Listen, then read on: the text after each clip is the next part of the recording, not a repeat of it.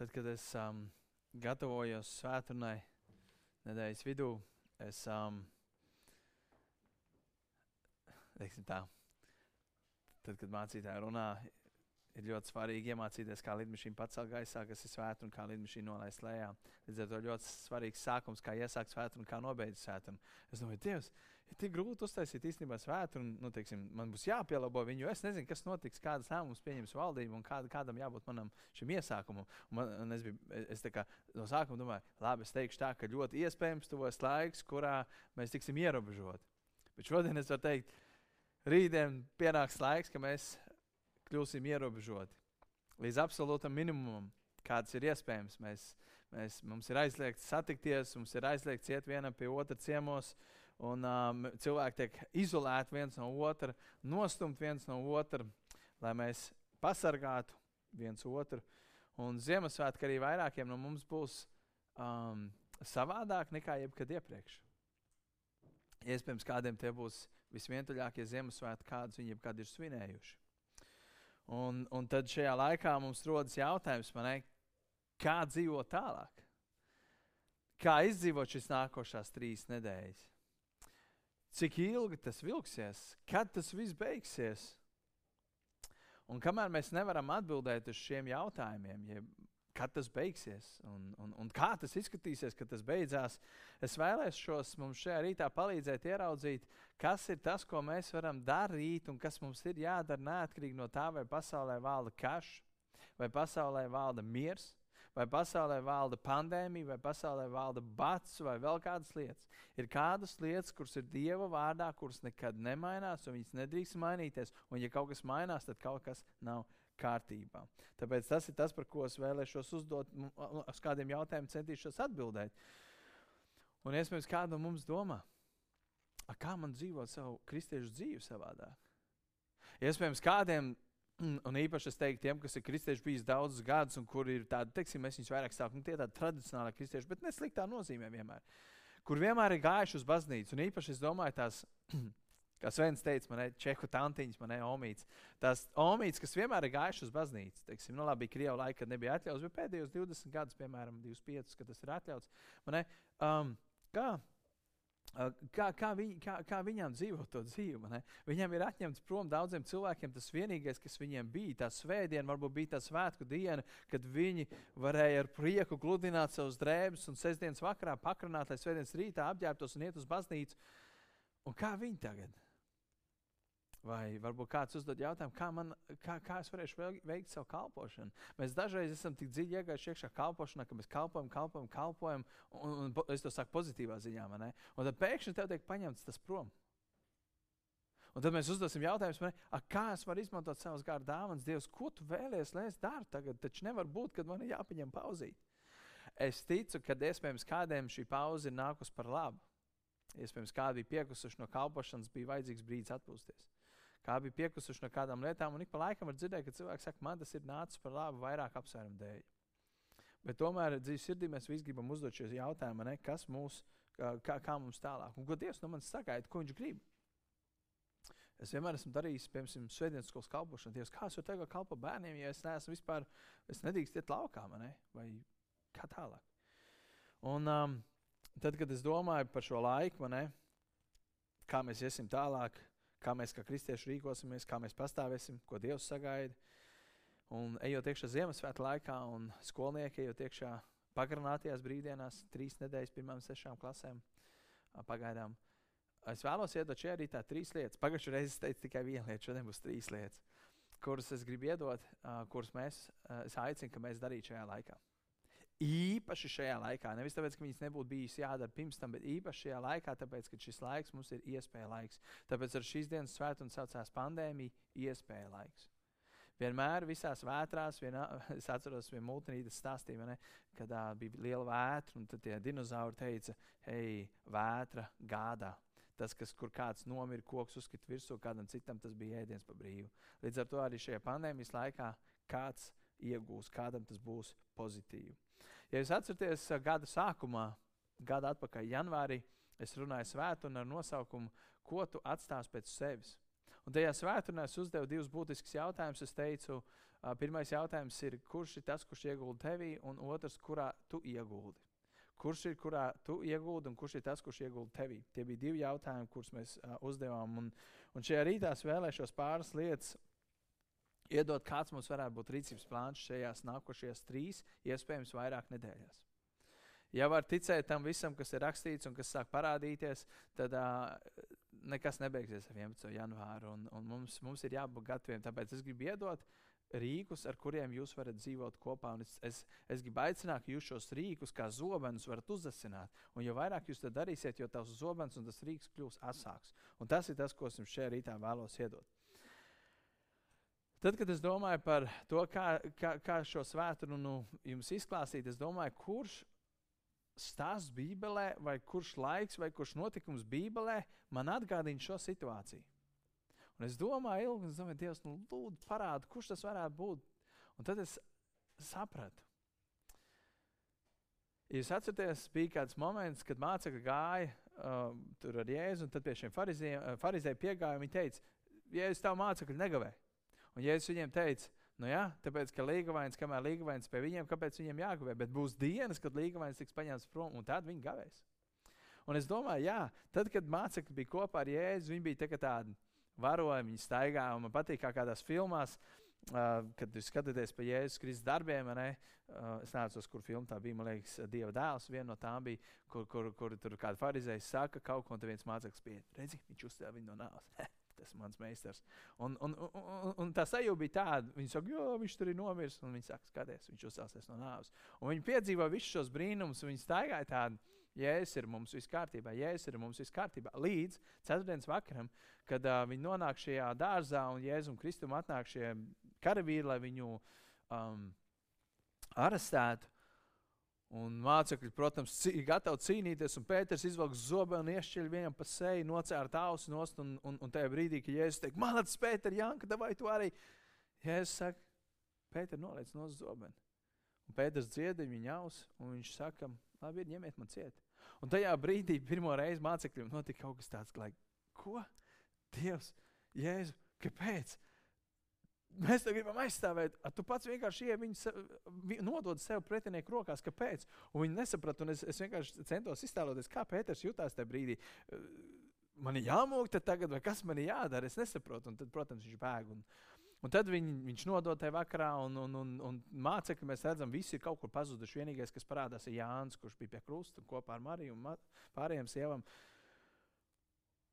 Un es domāju par to brīdi Viņi tikko staigāja ar savu meistaru, trīs gadus bija vienkārši varoņi. Viņi redzēja brīnumus, viss, kas bija noticis, un tagad pēkšņi viņi sēž. Kā rakstīts vēlāk, apakšā darbos augšstabā. Visa elite savākušies 120 no viņiem. Visi lielās, kas saka, šīs, kas man nenākuši kopā un sēž aiz aizslēgtām durvīm. Bail viņiem ir. Viņi nezina, ko darīt. Viņi gaida, jo es teicu, ka jāgaida. Un šo situāciju tā paskatījos, domāju, īstenībā viņi ļoti līdzīgi tai. Mēs tikko darījām kalpošanas, mēs veicāmies, mēs darījām, mums bija plāni, mēs sākām krāt naudu tam, sākām krāt naudu tam. Mēs darīsim to, un svētdienas skola aug, un jauniešu kalpošana aug, un draudz aug, un viss gājas priekš. Urā, mēs varam teikt, redz, kā Dievs dara, un dzīve draudz, un cilvēki pievienojas, un viss notiek. Un pēkšņi, līdzīgi kā mācekļiem, ja es tiek paņemts prom, uznāk pandēmija, un kādu no mums ir pilnībā apmaldījušies. Mēs esam pazaudējušies. Mēs nezinām, kā tālāk. Mēs nezinām, kāda man kalpošana iztīsies. Mēs nezinām, ko Dievs no manis sagaida. Vai man es esmu doties pelnīt atpūtā, beidzot es varu sēdēt pie teļuka, man nekas nav jādara. Kas ir tas, ko Dievs tagad šajā laikā grib man teikt? Līdzīgi kā mācekļi, bija apjukuši. Protams, līdz brīdim, kad nāca svētais gars un uh, deva viņiem spēku un drosmi, un viņi gāja un sludināja evaņģēliju.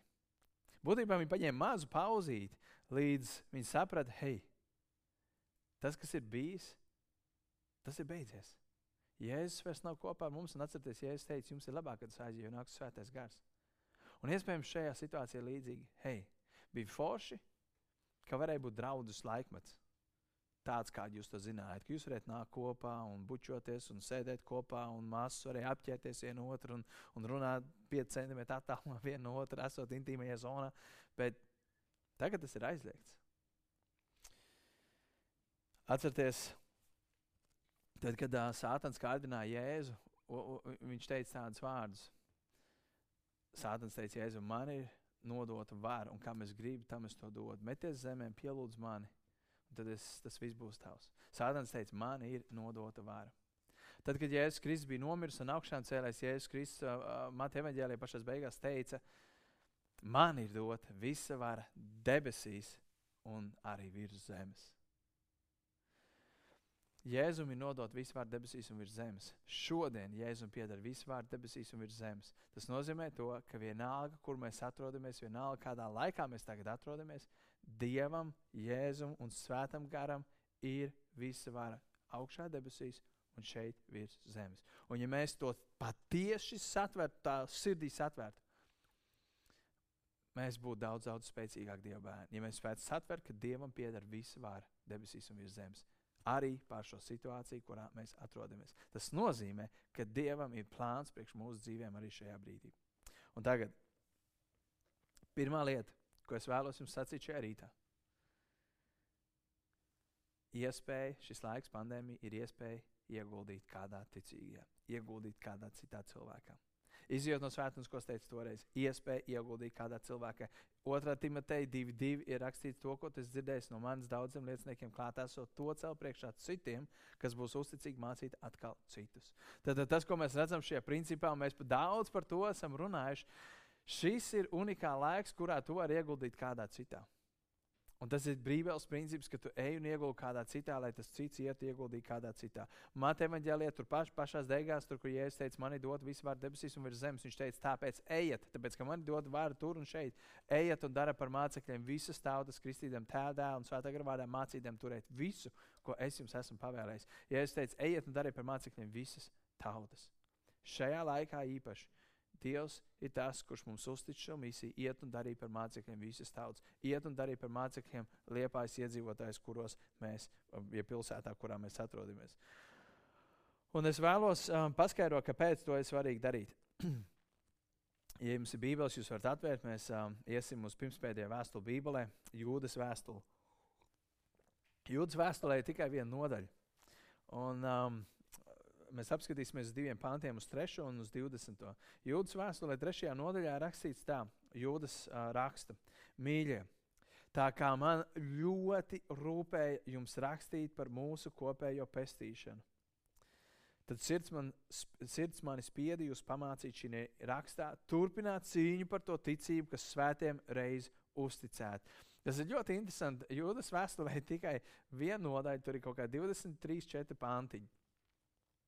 Un, um, viņš raksta, mīļā, man ļoti rūpēja jūs pamācīt šī vēstulē, un es vēlējos jums rakstīt par kopēju glābšanu. Man ļoti rūpēja, man likās, viņam tik ļoti rūpēja, ka viņš bija gatavs uzrakstīt vienkārši vienu nodaļu, pār, dažus paplašinātos teikumus. Liekas, tiešām te neko vairāk nevarēja, bet kas bija unikāli, viņš saka, man ļoti, ļoti rūp, un tad ir viena lieta, par ko viņš runā šajā vēstulē, par ticību. Viņš saka, man spieda, sirds man spieda, svētais gars spieda man jūs pamācīt. Un viņš rakstīja šo vēstuli, turpināt cīņu par to ticību, kas svētiem reiz ir uzticēta. Tev un man ir uzticēta kāda cīņa, un tā ir par tavu ticību. Un tas īstenībā ir nedaudz biedējoši. Atcerieties, Efeziešu vēstulē viņš saka, apbruņojoties ar visiem dievu ieročiem. Pagaidiet, man liekas, ka kristiešu dzīve būs tāda nu, rītīgi labi. Ir reizes, saka, man, tev viss būs labi, tu varēsi lūgt, un tev atrasināsies. Bet tev tiek teikt, tev jāiepkāp visās bruņās, visos ieročos, un te tev tiek sacīts, turpināt cīņu par to ticību, kas visiem svētiem reizi ir uzticēta. Tev un man ir uzticēta cīņa par ticību cīņa par tavu ticību un cīņa par otru ticību. Mums ir jācīnās vienam par otru ticību. Aiziesim uz nodaļas beigām, uz 20. pantu, un viņš noslēdz atkal. Viņš saka, bet jūs mīļotie, stiprinādamies savā visu svētākajā ticībā, lūdziet Dievu svētajā garā. Viņš saka, stiprinieties savā visu svētākajā ticībā. Ticība ir tā, kurai ir jākļūst stiprākai, lai tu varētu dzīvot šo dzīvi. Um, man patīk tāds salīdzinājums, kad ir mašīna un ir benzīns. Mašīnai ir vajadzīgs benzīns, lai viņi varētu iet uz priekšu, vai degviela vienalga. Tieši tāpatās kā mašīna, tā ir ticība un ir Dieva vārds. Dieva vārds ir kā benzīns mašīnai. Dieva vārds ir domāts priekš ticības. Jo vairāk mēs lasām Dieva vārdu, jo mūsu ticība iet uz priekšu. Jo mūsu ticība aug, jo vairāk mēs lejam Dieva vārdu iekšā, jo mūsu ticība iet uz augšu. Jo vairāk mēs lasām Dieva vārdu, jo vairāk mēs dzirdam Dieva vārdu, mūsu ticība iet uz augšu. Un tāpēc ir ļoti, ļoti svarīgi, ka mēs stiprinamies savā visvētākajā ticībā. Un tas iet kopā ar to, ko mēs runājam pagājušā svētdienā. Viena lieta, es teicu, būt pie Jēzus Kristus kājām un klausīties viņa vārdos. Un tad, kad tu būsi pie Jēzus kājām un klausīsies viņa vārdos, tev ticība ies uz augšu. Un zini, kas notiek, kad tev ticība iet uz augšu? Tu spēj paļauties. Tu spēj paļauties grūtos laikos. Un šis laiks ir tas, kur tiks pārbaudīta ticība. Daudziem tiks pārbaudīta ticība. Un tāpēc ir ārkārtīgi svarīgi tas, ko Jūdas cenšas pateikt, un tāda sajūta, ka tas, ko viņš gribēja vienkārši pateikt, rakstot šo vēstuli, un, protams, tur ir daudz, viņš runā arī par to, lai a, pasargātu mūs no maldiniekiem, kas ienāk iekšā maldus mācībām, bet īpaši viņš uzsver šo, uzsver šo ticību. Ticību. Ziniet, un tad, kad Bībelē runā par ticību un pieaugšanu ticībā, tas nekad nenozīmē, ka tu esi kaut kāds vientuļais bruņinieks, kas viens pats iet apkārt, un viens pats dzīvo kaut kādā kopienā, vai sēž kā mūka, kādreiz tuksnesī uz stabiem, un, un, un vienkārši viens pats dzīvo. Nē, ticība tā ir domāta, lai mēs to darītu kopā. Kopā, lai mēs celtu viens otru ticību. Tāpēc šajā laikā īpaši mums ir jāmeklē iespējas, un skatieties, man ir jābūt ļoti gudram, kā es to pasniedzu. Es nesaku, tagad nāciet kopā grupās un tur baigi tusēties, ziniet. Nē, bet tas, ko mēs varam darīt, Es zinu, ka mēs tiekam aicināti pārsvarā sēdēt mājās un tam līdzīgi, bet mums ir jāmeklē, jāmeklē Dieva iespējas, iet vienam pie otra, satikties viens uz otru. Mums ir brīnišķīgi iespēja parks, liepā, jūra. Mēs varam iet pa augstākā, ja vēlamies. Bet mums ir jāmeklē iespējas, kā mēs varam tikties viens ar otru un celt viens otru ticību. Kāpēc? Un tagad apstīsimies uz nākamšo raksturu. Ebrejiem 3. nodaļa, 12. un 13. pāns. Ebrejiem 3. nodaļa, 12. un 13. pāns viņš raksta, pielūkojiet, brāļi, ka kādā no jums nebūtu neticības, ļaunās sirds, atkāpjoties no dzīvā dieva. Bet pamāciet cits citu katru dienu, kamēr vēl saka šodien, lai kādam no jums sirds netiktu apcietināta ar grēka viltību. Īpaši es, es esmu šeit uzsvērs to, pamāciet cits citu katru dienu. Kāpēc? Kas var notikt, ja mēs neņemsim vērā, kas var notikt, ja mēs nepamācīsim viens otru katru dienu? Un tas ir pirmajos pantos. Pielūkojiet, brāļi, ka kādam no jums nebūtu neticības ļaunās sirds atkāpjoties no Dieva. Ja mēs nepamācīsim cilvēkus, mēs neiedrošināsim, un šī ticība, šis dievvvārds neiesakņosies viņos, tad mēs lasām to, ka rezultāts var būt, ka viņi atkāpsies no dzīvā Dieva. Viņi kļūs par atkāpniekiem. Viņi būs tie, kuriem ticība nebūs iesakņojusies un nenesīs augstu, nenesīs rezultāts. Kā rezultātā viņi aizies prom no Dieva, un te ir rakstīts pamāciet, kamēr vēl saka šodien, lai kādam no jums sirds netiktu apcietināta ar grēku viltību. Grēks ir viltīgs, viltīgs, un viņš ir tas, kurš apcietina sirdi. Un tad, kad cilvēks sirds tiek apcietināta ar ļaunu, ar grēku, viņš automātiski sāk iet prom no Dieva. Viņš sāk beigt prom no Dieva. Un tas ir tas, kas notika pēc pirmās pandēmijas. Es skatījos statistiku pēc Barna, viena no lielākajām tādām organizācijām, kas pēta statistiku. Protams, tā ir visticamāk nāk arī par tieši par Amerikas draugiem. Es ļoti gribu domāt, ka kaut kas līdzīgs varētu būt arī uh, Eiropā, Latvijā. Pēc pirmās pandēmijas katrs trešais cilvēks, kas gāja uz baznīcu, neatgriezās atpakaļ uz baznīcu. Tad, ja lielākā viduvēja Amerikā situācija bija tāda, ja draudzē bija 3000 cilvēki, tad tagad viņiem bija palikuši 2000 cilvēki, kas nāk. Viens, katrs trešais cilvēks atkrīt nost. Kāpēc? Es domāju, ka viens no iemesliem, kad viņi netika, te nebija šī pamācīta cits citu katru dienu. Tāpēc šajā pandēmijas laikā es īpaši gribu uzsvērt.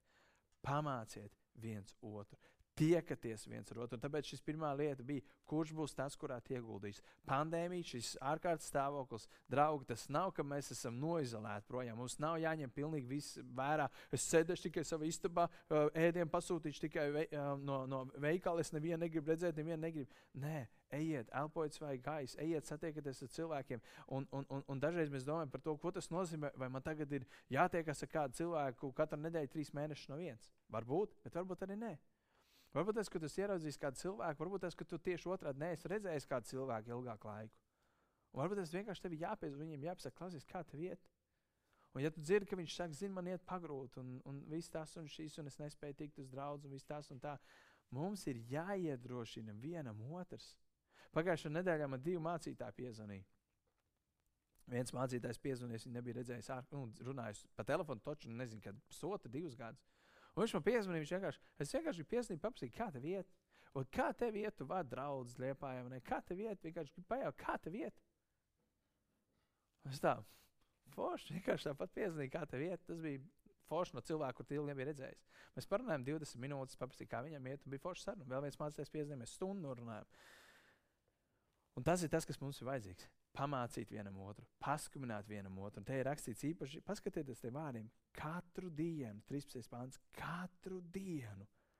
Mēs nevaram izlaist nevienu dienu. Sātans steigā apkārt, rūkdams kā lauva meklē, ko tas var apēst. Ja viņš redz, tur viens ir paņēmis pauzi vienu, otru, trešo, ceturto dienu, viņš var mierīgi viņu apēst.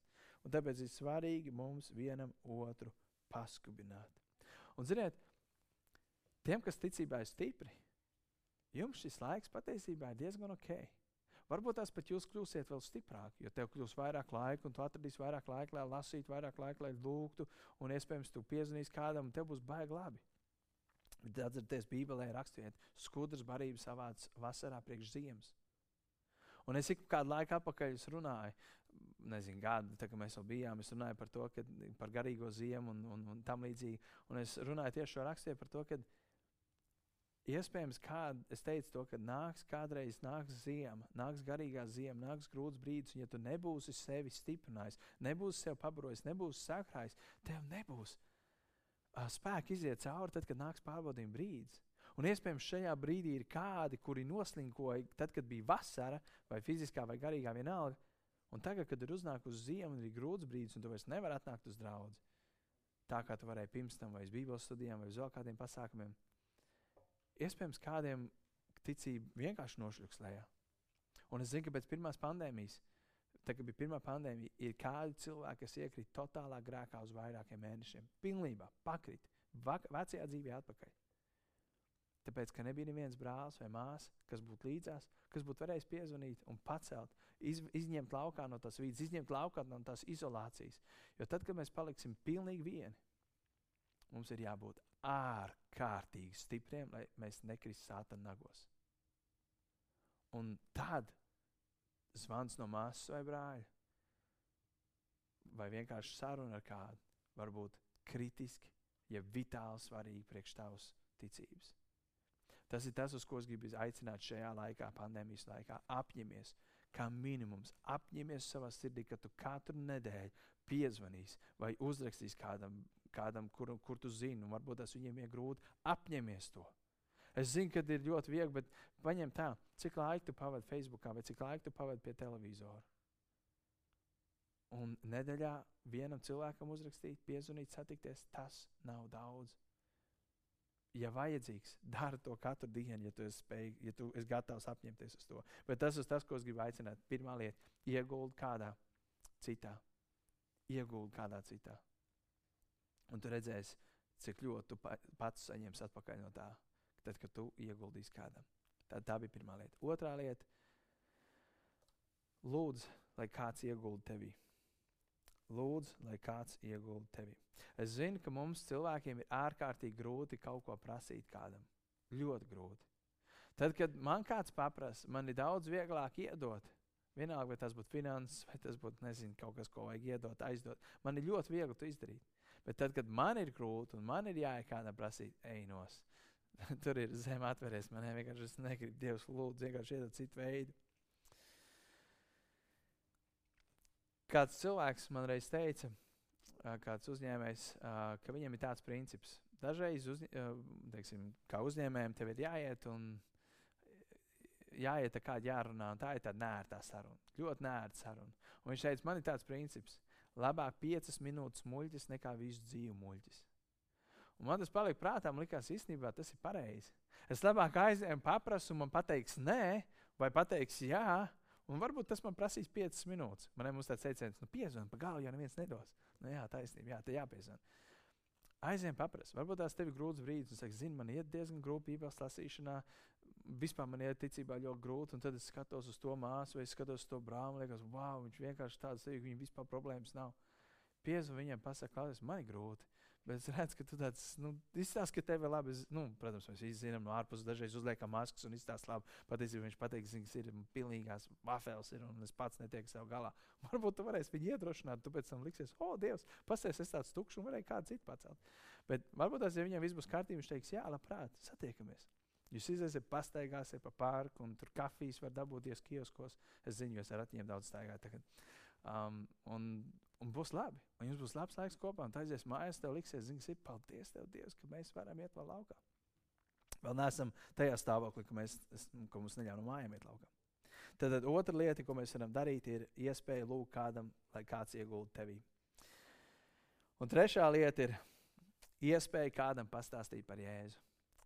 Kāds var ieguldīt tevī, tu vari ieguldīt kādā. Un trešā lieta ir, ir šis laiks ir iespēja kādam pastāstīt par Jēzu. Liekas, ok, te mēs atkal ejam Tomas veco dziesmu dzied. Viņam tik pēc laikā vajag, lai kāds kādam kaut ko pastāst. Bet, draugi, būsim godīgi.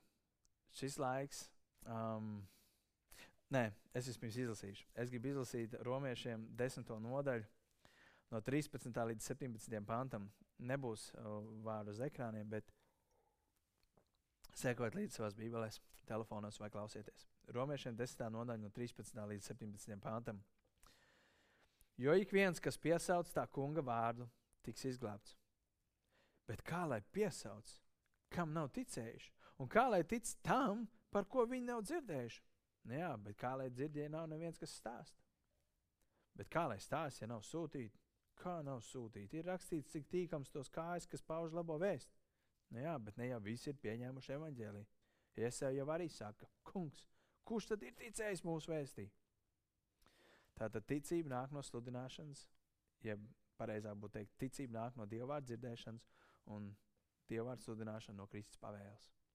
Šajā rakstvietā mēs lieliski redzam to, Ik viens, kas piesaugs tā kungu vārdu, tiks izglābts. Jā, bet kā lai viņi var piesaukt, ja viņi nav dzirdējuši? Es to esmu stāstījis ilustrācijā, man liekas, stipri, grūt, gr, stipri vīri grūtos laikos. Vienā no nodaļām noslēgumā bija tā, ka Jēzus Kristus nomira, augšām cēlās un tad aizgāja uz debesīm. Es ļoti saīsinu stāstu. Un tad pretī viņam nāca eņģēlis un viņš teica, wow, ko tu izdarīji? Viņš saka, nu es nomiru par cilvēku grēkiem un tam līdzīgi un tā, tā, tā. Un viņš pastāsta visu, ko viņš izdarījis un augšām cēlēs un tā. Un tagad es teku atnāk apakaļ debesīm. Viņš saka, wow, kā cilvēki to zinās, tie, kas vēl nav piedzimuši, kā viņi dzirdēs. Viņš saka, nu cilvēks stāstīs viens otram. Un tas eņģēlis tā, ja viņi nestāstīs? Un ja es teicu, citu plānu man nav. Protams, mēs Bībelē lasām, un ja šie bērni nebrēks, tad akmeņi brēks. Nu, es vēl vēsturē neesmu dzirdējis, kad akmeņi brēktu un stāstītu evaņģēlī. Paldies Dievam, visos laikos ir bijuši cilvēki, kas ir bijuši Dieva vārdu sludinātāji. Un tāpēc šajā rakstvietā rakstīts, cik tīkams to kājas, kas pauž labo vēstu. Mūsu uzdevums šajā laikā īpaši ir, protams, rūpēties vienam par otru, kā ir rakstīts, pamācēt viens otru, rūpēties viens par otru, iedrošināt viens otru, stiprināt viens otru katru dienu. Bet mūsu primārā misija ir iet un pastāstīt kādam par Jēzu. Un šajā laikā, ziniet, ko es domāju? Es domāju, ka viss tas, kas notiek pasaulē, notiek uz labu. Kā var notikt uz labu, ka cilvēki mirst, ka cilvēki slimo, cilvēki zaudz dar, da, da, darbus zaudē? No mīsīgā viedokļa katastrofa pasaulē notiek. No garīgā viedokļa iespējams notiek brīnišķīgas lietas. Cilvēku cietās sirdis tiek mīkstināts. Cilvēku paļāvība, jeb tas, uz ko viņi paļāvās, nauda, darbs, um, nezinu, talanti, uh, izglītība, sistēma, bankas, konts, vispārējais tas viss vienā dienā izplēna un sāk pazust. Un cilvēks saprot, tas, uz ko viņi cēla, kas izskatījās kā cieta klints, izrādās tad, kad ūdens uzlīja virsū, viss aizplūda prom. Izrādās tā bija smilts, vairāk nekas. Un iespējams šajā laikā cilvēki ir tik satriekti, tik vīlušies tajās, ko viņi būvēja savus dzīves namus, ka daudziem no viņiem nekas cits neatliks, kā teikt, Dievs, ja tu esi, tad lūdzu palīdz man. Un tajā brīdī Dievam ir vajadzīgi uzticīgi kalpi, kuri tieši tāpatās, kamēr viena teiks, lūdzu, palīdz man, otra būs uz ceļiem, teiks, Dievs sūti mani. Lai Dievs var paņemt vienu, paņemt otru, savest viņus kopā, un šis cilvēks var dzirdēt evaņģēliju un atgriezties. Jāņem evaņģēlijā 4, 4. nodaļā 3.5 ir rakstīts. Redziet, es jums, es jums saku, ja es ir runātājs, paceliet savas acis un skatiet drūvas, jo viņas ir baltas pļaujai. Paceliet acis un skatieties uz baltajām drūmām, viņas ir baltas, gatavas pļaujai. Un citā vietā, Lūks, evanģēlē 10.2. viņš raksta, un Jēzus sacīja, pļaujamā daudz un strādnieku maz, tad nu lūdziet pļaujas kungu, lai viņš izsūta strādnieks savā pļaujā. Šis divs rakstīts parāda vienu fenomenālu lietu, draugi. Tas, kas noticis pasaulē, drūsi kļuvuši balti, saulīt ir uzspīdējis, cilvēku sirds augsnes ir sagatavots. Viņi ir gatavi dzirdēt Dieva vārdu. Bet, ja es saku, bet darba ir ļoti daudz, cilvēki dzirdēt evaņģēlīju grib daudzi, liepājā, ticu, ka tūkstošiem. Bet to, kas ir gatavs teikt, kungs sūti mani, ir maz. Un tāpēc šajā laikā es mūs gribu visus mudināt. Jo es nezinu, kā notiks mūsu komunikācija, un es nezinu, kādas šīs trīs nedēļas, vai vairāk nedēļas, vai nākošie mēneši būs mums. Bet es gribu jūs mudināt uz šīm trīs lietām, un īpaši uz šo pēdējo iespēju pastāstīt kādam par Jēzu. Apņemies lūgt katru dienu, kungs, dod man iespēju kādam šodien pastāstīt par Jēzu. Dod man iespēju kādam pastāstīt to, ko Dievs ir darījis manā dzīvēm. 2. korintiešiem 6.2 ir rakstīts, redzi, tagad ir vislabvēlīgākais laiks, redzi, tagad ir pestīšanas diena. Tagad ir vislabvēlīgākais laiks. Es ticu no visiem sirds dziļumiem, ka šis ir vislabākais laiks, kas sludināt evaņģēliju. Nevis trīs gadus atpakaļ, kad mēs sākām draugus, nevis gada atpakaļ vai pusgada atpakaļ. Jā, arī pusgada atpakaļ sākot. Bet es ticu, ka šis laiks ir unikāls sagatavots tam, lai Dieva bērni varētu sākt iet un darīt to, kas viņiem bija jādara. Es šajā rītā jums neko jaunu nepateicu.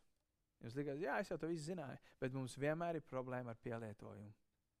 To, ko mēs dzirdam, vai mēs to pielietojam savā dzīvē. Es gribu jūs visus uh, Trīs lietas. Ej un ieguldi kādā cilvēkā. Telefons zvans, Facebook vēstule, nezinu, saruna, iziet laukā, pastaigāties ar kādu. Otrs, lūdzu kādam, lai kāds iegulda tevī. Tas varbūt neatiecas uz visiem, tas attiecas varbūt uz kādiem. Varbūt tas, ka mums šajā brīdī klausās kāds, kurš vēl ir ceļā un meklē Dievu. Varbūt tas, ka tev ir jāpiezvan kādam, kur tu zini, kurš ir kristietis, un tev ir jāpiezvan un jāpaprasa viņam, lai viņš tev pastāst par Dievu. Varbūt tev jāizkāp no komforta zonas un jāpasaka, zini, kas ir. Man sāk interesēt tās lietas. Un trešā lieta ir pastāst kādam par Jēzu. Un šīs ir lietas, kuras mēs varam darīt neatkarīgi no ierobežojumiem, kuros mēs atrodamies. Un varbūt, tikai varbūt, šis Covid stāvoklis pasaulē ir tikai tāpēc, lai tu sākt iet un ieguldīt kādā cilvēkā. Varbūt tikai varbūt šis Covid stāvoklis ir tāpēc, lai tu sāktu darīt to, kas tev jau sen bija jādara. Es nezinu, varbūt, tikai varbūt. Šis Covid stāvoklis ir tāpēc, lai tu varētu pastāstīt evaņģēliju savam ģimenes loceklim, draugam, klases biedram, skolas biedram, uh, draugam. Varbūt, es nezinu, varbūt.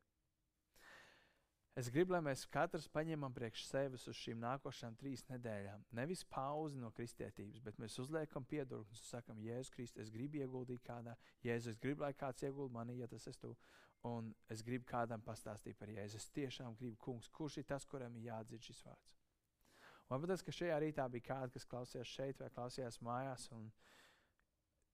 tev biedē stāvoklis, jo tu nezini, kur tu atradies attiecībās ar Dievu.